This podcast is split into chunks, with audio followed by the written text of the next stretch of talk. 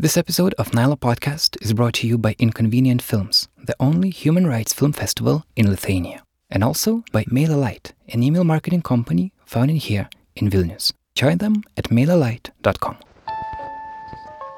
all the time I ask myself every award. Now the film has won almost 23rd award around the world. And all the time, every award I feel like kind of the shame. Because, Why? Because you get the award and the war is keep going.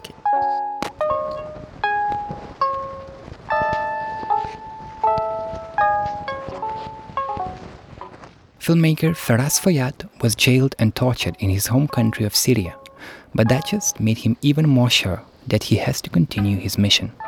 His film Last Men in Aleppo got the Grand Jury Prize at this year's Sundance Film Festival. The director captured the bravery of the White Helmets, the Syrian volunteers saving people attacked in Aleppo. This week, Feras Fayyad came to Vilnius for the first time. He's our guest at today's episode. You're listening to the international edition of Nyla Podcast, created by Nanook Multimedia Agency. This is Karolis Vyšniauskas from Vilnius, Lithuania.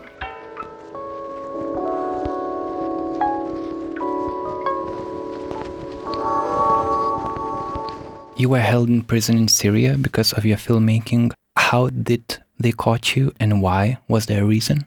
I was working in a film about freedom of speech in, in Syria. I was following a, a poet uh, who was like um, first to leave Syria in 80th. And then when the revolution started in Syria, the civil movement in Syria, to change the regime to more justice and equal and uh, regime. So the first what's happened and was I get arrested because of that. Because show the mistakes of the government, it's a crime from the perspective of the government. There is no laws in Syria say that if you did this, it's gonna be a crime, which is strange because the government put themselves up of the laws so they can decide if you are threat them or not they try to change the law as help them to do whatever they want. So I just like I did I did this movie and then I get arrested. First time three months, the second time eight months. But that's encouraged me more. What did they do to you in prison? Well, they use all ways like to just like to put pressure in me, like to to get more information why I do that. Was there physical violence or more like Physical, yeah. psychological? physical and psychological? They beat me and uh, Really? yeah and uh, uh, and they put me like hours like uh, standing on my fing- my my feet fingers with naked and they put me in, down and uh, hit me in the um, this is uh, we call it like uh, heavy cables with the metals on my sh- my back and my feet and they took my nails and um, yeah, I was. I mean, they don't give me food and put me in solutions, and uh, and I was like all the time when I go like to invest to uh, to see the investigator, like I was like saw the bodies in on the ground, dead people and dead bodies who's And, Yeah. and even after this, you still wanted to continue. It even encouraged you to, to, to, to work more. yeah it's encouraged me of course. I mean because it's going all of this is that witnesses that you saw. It's encourage you like just you have to tell it. Because this But you realize that it's really dangerous, that it's a matter of life and death. look in somehow when you be under threat and a, a lot of pressure you have a lot of inner conflict if i did this what gonna uh, happen for me? But what gonna left behind me? So after long conflict in, inner conflict inside me i decide like i have to do that. I mean no matter what, what will happen the death is the same. By the car or by the silence gun. I don't care. Because in the end we all all we will die. So you can lose your life i mean if you lose your life you will lose it in general you will not can protect yourself if you have an idea you want to tell it you have to tell it whatever happen Of course, you have to take care about yourself. You have to to find a way to protect yourself, but you have to say what you've been witnesses. If you are witnesses on the crime and then this gonna threat you and gonna uh, end your life, but you know that it's a crime, you have to tell it, then you have to tell it. To keep silence, you will encourage more other criminal to do their crime. Is it true that you came up uh, with the idea of making Last Men in Aleppo while you were in the prison? Yes. The uh, idea was about to survive.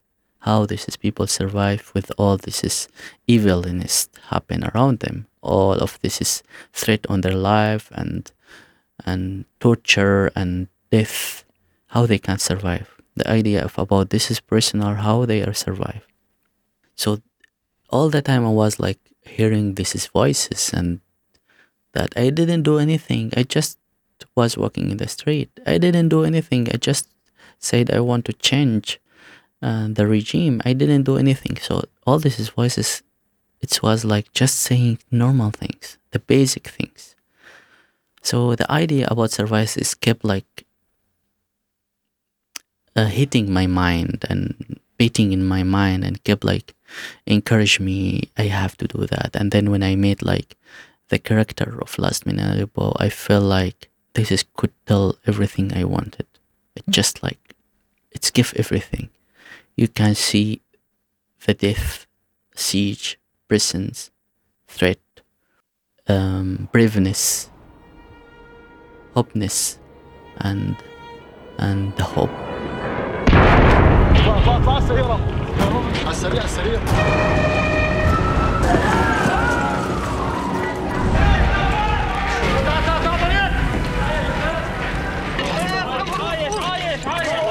يا شباب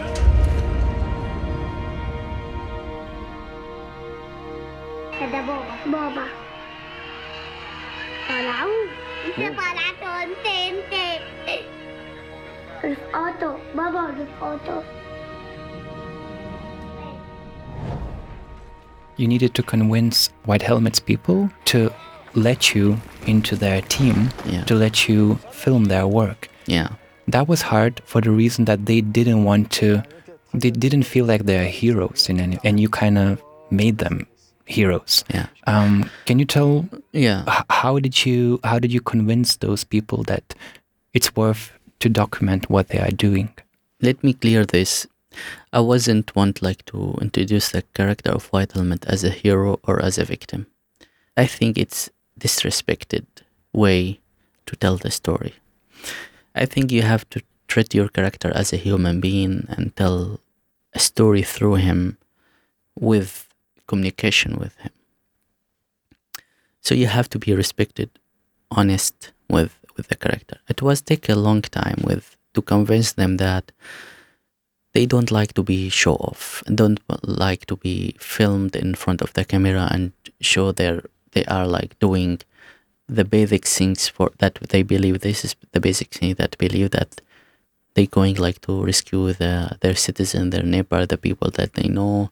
They do their um, the moral things that they believe in it their responsibility which is any human in, in, in his country will do the same things for them. This is their idea and I try to bring that, I try to convince them that as you are responsible about rescue the children, rescue the people that you believe, the people that you love.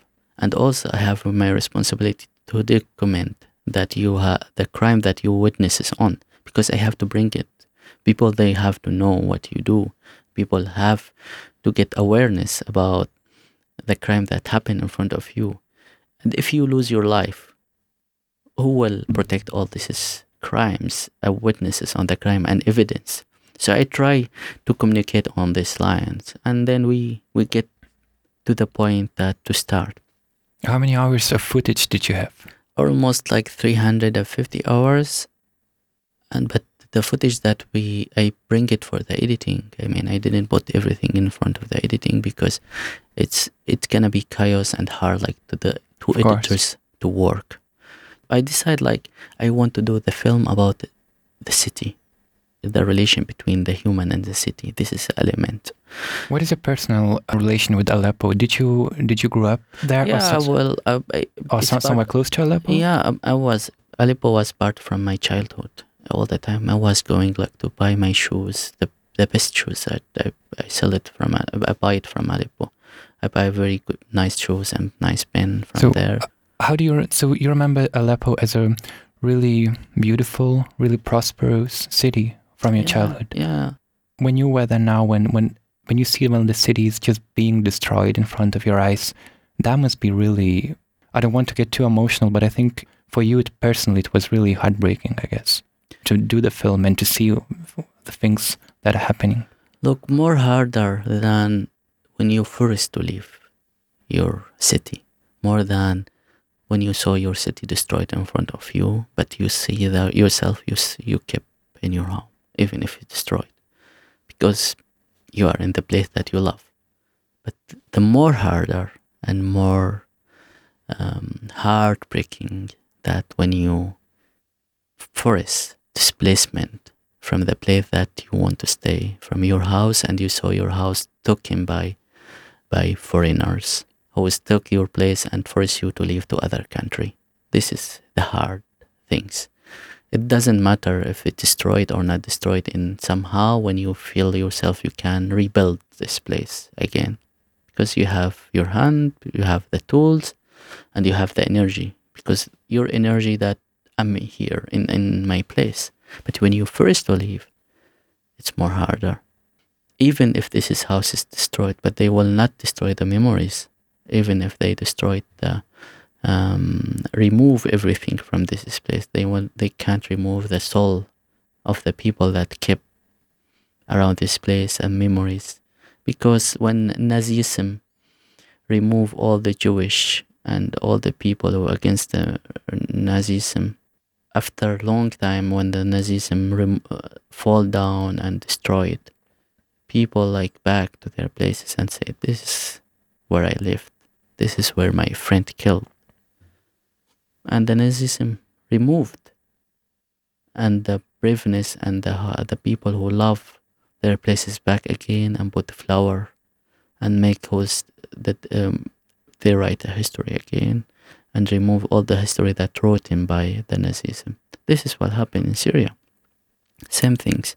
When they, all, all of this criminal who kill a lot of people, kill the people love their cities and remove them, they will one day, the people that they love, they will back to uh, their city and say, this is a place one day gonna be. Because every person will teach his, his friend, the people they love, children, whatever, whatever. I mean, they will back one day. Do you think you'll be back to uh, to Syria one day? Because now now you live in in Denmark. hmm You feel much safer there, but I guess your heart is still in Syria. Of course, I mean, my heart uh, still in Syria because even a lot of Danish that I met them in Denmark who's live in Syria like for a couple of years, they said our heart in Aleppo, our heart in Damascus. Who visit Syria, they can't forget it. Historical Damascus and Aleppo, one of oldest cities on the earth. So I mean, when you're back, you feel like you have, as a human, in somehow a connection with this place. This is in in the uh, uh, I mean in in the human psychological side, but in in generally also, I don't know if I come back or not. If I want to back to Syria, there should be a democracy, equality, and justice to feel like that the place that I can do what I want and change what I want. If that not happen, I will keep fight from outside with doing movies, doing stories, not just about Syria, about everywhere, but all the time the Syria will be like my that encourage me what I've been witnesses in Syria encourage me all the time to think about the justice as a matter and as a style of life. This is so, and as a style of art of telling stories and all of this. Is, so, the war in Syria it's teach me a lot. The relation with this country, my my country, it's teach me a lot. Teach me a lot on on the matter of the human, um, human action and in the matter of in the matter of your goal as a human being, an artist and a filmmaker in the life, what you can do, what you can change, and how you can do it. Just a reminder that this episode of Nyla Podcast is brought to you by Inconvenient Films, the only human rights film festival in Lithuania, and also MailerLite, an email marketing company founded here in Vilnius. Join them at mailerlite.com. In 2011, the Arab Spring protests began. There was a hope that the Arab world can overthrow oppressive regimes and become democratic but it turned into a bloody civil war. According to the United Nations, more than 13 million Syrians needed humanitarian help. Around 5 million of them are refugees outside Syria. Two years ago, Vladimir Putin's Russia brought their army into Syria, supporting the current government and the current president Assad. The bombings of Aleppo that are documented in Feras Fayyad film are caused by the current government and their supporters. Putin claimed that their goal in Syria is to destroy ISIS. I asked Feras, does he believe in that? From my witnesses and what I, I, I documented, the um, Russian policy in Syria wasn't as they represent, wasn't a good guy there was the bad people, the bad guys in, in, in, in, in Syria. They killed thousands of people, destroyed many hospitals, many places, many civilians' home, and killed children, women, civilians. They didn't do any any effort for fighting ISIS or fighting terrorism group. I saw in my eyes that Russian didn't do as they the, the Russian the the, the uh, Putin policy to not say about Russian people also because it's separated things. Yeah, of course. Yeah. So Russian policy that Putin led in Syria, it was represent the evils, killed a lot of people, and the Putin, he is represent the crime against the humanity. It's mean that should Putin one day go to the court from perspective of the Syrian is a criminal because he removed and uh, forced the Syrians to leave uh, their country. So he's war criminal. Putin's goal is to keep Assad in power. Do you think that Assad has to be removed in order to achieve democratic new generation of Syria? For sure. I mean, Assad should be removed. I mean, a criminal is like just lead the country to destroy it, divided Syria. He's the reason behind all of this, behind a millions Syrian who's like forced to leave their country and end as refugees in in everywhere, every country in the world. Who's behind thousands of Syrians who's drawn in the Mediterranean, who's behind hundreds of thousands of Syrians who's killed in the prisons or behind all of this is function group that uh, try like to take their uh, the country as a divided country. So the government is responsible about all of that because they didn't find a peaceful solution to communicate with the people and they use the violence to make uprising the and uh, to change the situation from peaceful peaceful movement to uh, violence um, conflict, which is, I mean, all this is it's documented, is evidence how they people going to the street and then the government start to shoot in the weapons the people and killed children, student, civilians, and that the violence day by day is being bigger, but also under the eyes of the international community which is all the time didn't try to to draw lines in front of Assad and his governments. Last Men in Aleppo was awarded at Sundance Festival, one of the most important film festivals in the world, and you got a Grand Jury Prize. Congratulations for that. What did it mean to you personally? Because it, it was more than just an award for your film, I guess. It also was kind of award for all the White Helmets work. Well, the award all the time in the films is goes like for the films. It's not goes for the I mean award for the hum- the White Helmet's work. I mean it's different. I mean this is a film about the subject, and when any films won, it's not won because of political reason. The film won because the cinematic elements, storytelling, this is award for the film, for the element, way of the telling the story. But for me, all the time I ask myself every award. Now the film has won almost 23rd award around the world. Every time. Ask myself like what can I change and how I can change with that. And all the time every award I feel like kind of the shame. Because Why?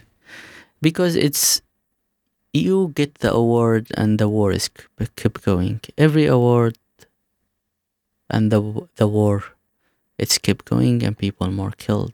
But more people get aware about what is happening. That's the idea of of of, of the documentary, isn't yes, it?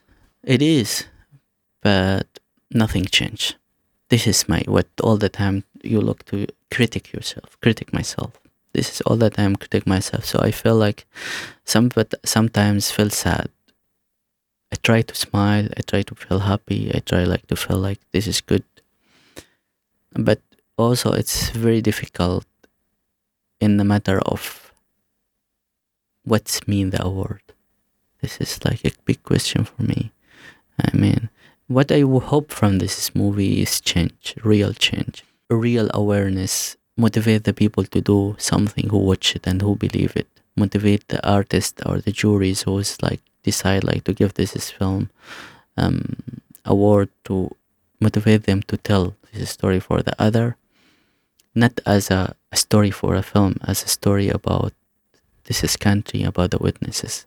When i did this film i want to involve the people as witnesses on the crime that happened. And because everyone watched the movie now is witnesses on the crime. He saw in front of him a man a father who want like to live a normal life and then he killed in front of him. So he lose a person that live with him for 105 minutes. Years. Lose him for nothing like this and he do nothing and all most of this volunteer of white helmet and humanitarian worker they also they keep losing their life but what can we, as the audience, do? For example, you came to Vilnius to present your film, just like in other, um, other cities that you did it around the world. When you see the film, it, you get this like chilling feeling inside you. Some of the images that you took are really shocking. For example, there is a scene when you see uh, the white helmets men taking um, babies from, from, from the building that was just destroyed, and some of them are alive, but some of them are not and you see that, but you see that living here in a relatively safe country, you are in a cinema, sitting in a, like a comfortable chair and everything. You get this idea that it's like it's terrible, but you also feel a bit helpless. What would you suggest when a person sees your film? What he or she should do? Everyone he can do something. Now everyone have his social media tools. Everyone in Lithuania here they uh, have a democracy. They elected their representative, so they go to the box and put yeah. use his voice and choose this person, and this person now in the parliament. They can write a message for him, share a status on Twitter, and mention him, and tell them this should be stopped, and the justice should come to Syria and every represent elected representative should fill in responsibility and take his responsibility and because he's coming to the parliament not just because of just of his country also to be like sharing the responsibility around the world because any small dangerous or a small problem happen in the country next to this country it can affect in somehow on this country. So he or she, any representative, should take responsibility and put the pressure on the government and their colleague to bring them to bring the peace to Syria, the peace with the justice, not just the peace to stop the war and make it cold war for a long time with divided country. I don't have a solution. I'm not political, so I don't have a solution and the way. But they don't should the, the, the, the politicians not think in the just in the future. They have to think now in the recent time. And also, I think I, I hope from the people to understand the refugees who left Syria, understand more, open their heart more, understand that those people who was coming from the country, they saw something nobody saw it, something horrible as the Second World War, and more. All kind of the weapons it's used over them. These people like fight a lot to stay. No one of them want to leave his country. Syria is a good country and beautiful. Not was. I mean, it's, it's a beautiful country. It doesn't linked with the Assad family and dictatorship.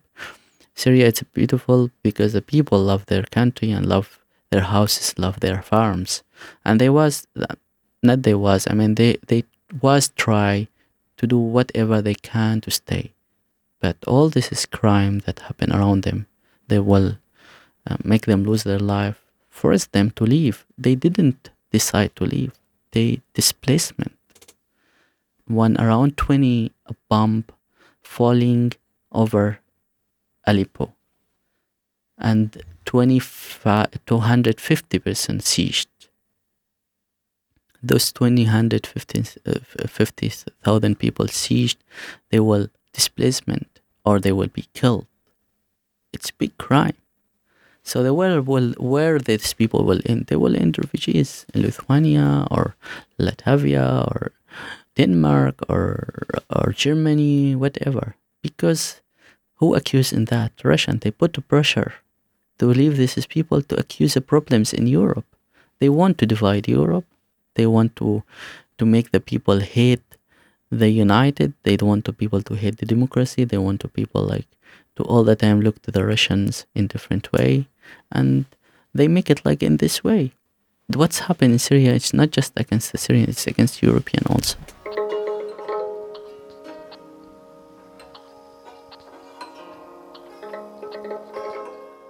Feras Fayyad now works on a new documentary. The project is called The Good Enemy. It focuses on a group of local journalists who call themselves Aleppo Media Center. As Feras puts it, they risk their lives to document the horrors of the Syrian war and stand up against the world's largest propaganda organization since the Cold War. I ask him, what is this propaganda organization? I guess you are talking about RT here or Russia, like Putin's controlled media in general? Yeah, not just the, the Russian. I mean, the Russian is the first one, um, the but also the right wings media and uh, Assad regime media, because was all of them work together in Syria to represent um, the journalism as a crime so, what is the situation of media in Syria? For example, is internet controlled there, or can you use it freely? The internet control, and um, and um, the, it could all the time like could be hacked. Hacker. Can you log into Facebook, for example? yeah, Twitter? they can. They can link onto the Twitter and Facebook, everything. So there was like those group of but like can, can regular people use facebook or twitter yeah they can use but all of that they can the the the the, um, the government can i mean can track you track yeah the russians and uh, uh, and what, what about uh, television which television? Like in, gen- in general television. General television is all the time broadcast. Um, life is good, and uh, birds uh, is flying over the tree. So it's all controlled by the government. Yeah, yeah. It's just like it's Aleppo is destroyed, and uh, there is a morning show about the best uh, best ten songs in uh, in the box uh, office. Just all right, like but but even in like Western and Europe, they try like to show um, like all the time that government won and won and won and won, but about won on who? On the people and they show like the this uh, like this is nationalism songs and propaganda and that we fight the terrorism and when they arrested like a citizen and they show uh, represented as a tourist person so they push him like to go up to the televisions and ask him to say like I'm tourism and all of that. Many of media uh, journalist was arrested and they put him like they said like we are tourists and we was leading by the Western to be tourists in Syria. Uh, similar reports you can see in RT coverage, formerly used to know as Russia Today, and it's getting really more and more popular in Western Europe, in the US as well. And some people who, who want kind of alternative information, they go to Russia Today reporting, and they some of them trust it. Actually, what do you think about this news organization, and do you trust it? Well, uh, any news organization go with that on over the tanks to report. It's not a news organization when a reporter goes and change the truth even the human rights organization report they try like to to say like this is lying this is report lying this is evidence lying. Then how you can call it like a journalism? The journalism is about telling the truth even this is truth uh, could be hard but the journalism should tell the truth with investigative. I mean amnesty tell many reports about the using chemical attack against the, the um, against the civilians, and Russian Today said this is not true. I don't want to put myself to judge any kind of media, but from my witnesses, when I saw a report from Russian Today, I just laugh because it's it's not truth easily. I I uh, actually I, I all, uh, all the time watching Russian Today all the time because just like it's just like to, to, to see that the, the kind of lying or kind of playing in the truth how they can just turn to tell the true story. When you read the story from russian today and then you read the story from new york times there is no professional work at all in russian today. There is nothing. It's just like put the word next to each other. Sometimes there is no professional journalism and journalism stand on sources and evidence and and and uh, and the truth. They try just to tell the thing that help that represent uh, Russia in power place.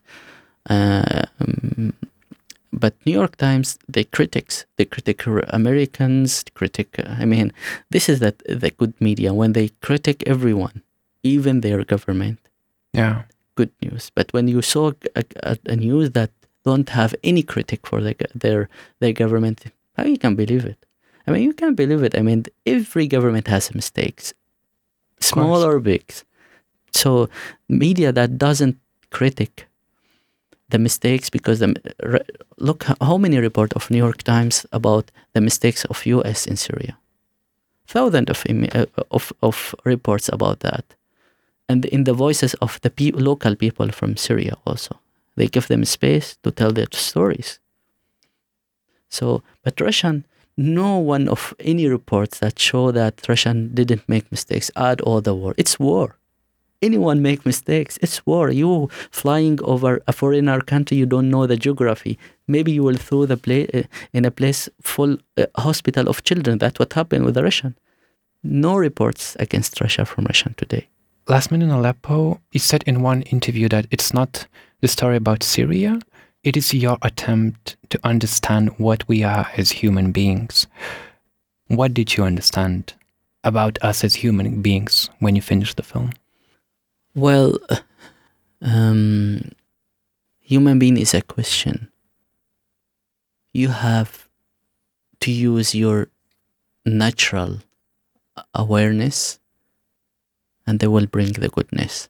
If you use the hate, the anger, and kind of listening for the other how they talk in your two ears and push in your mind the ideology could take you to the way wrong way i learned from the character that you can take and you can find your right way even you have you have nothing. The human being have strong power don't need any tools to to change the reality around you. You can you change everything around you with your hand with your love.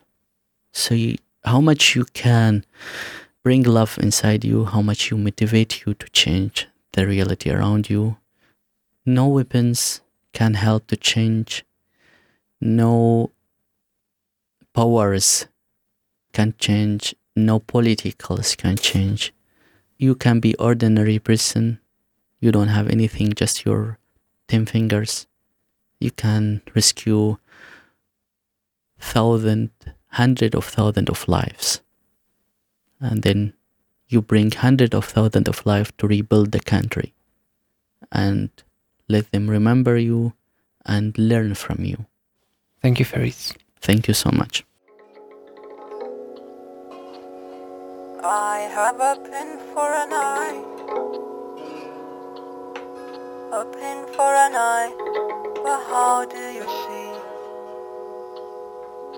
I don't know.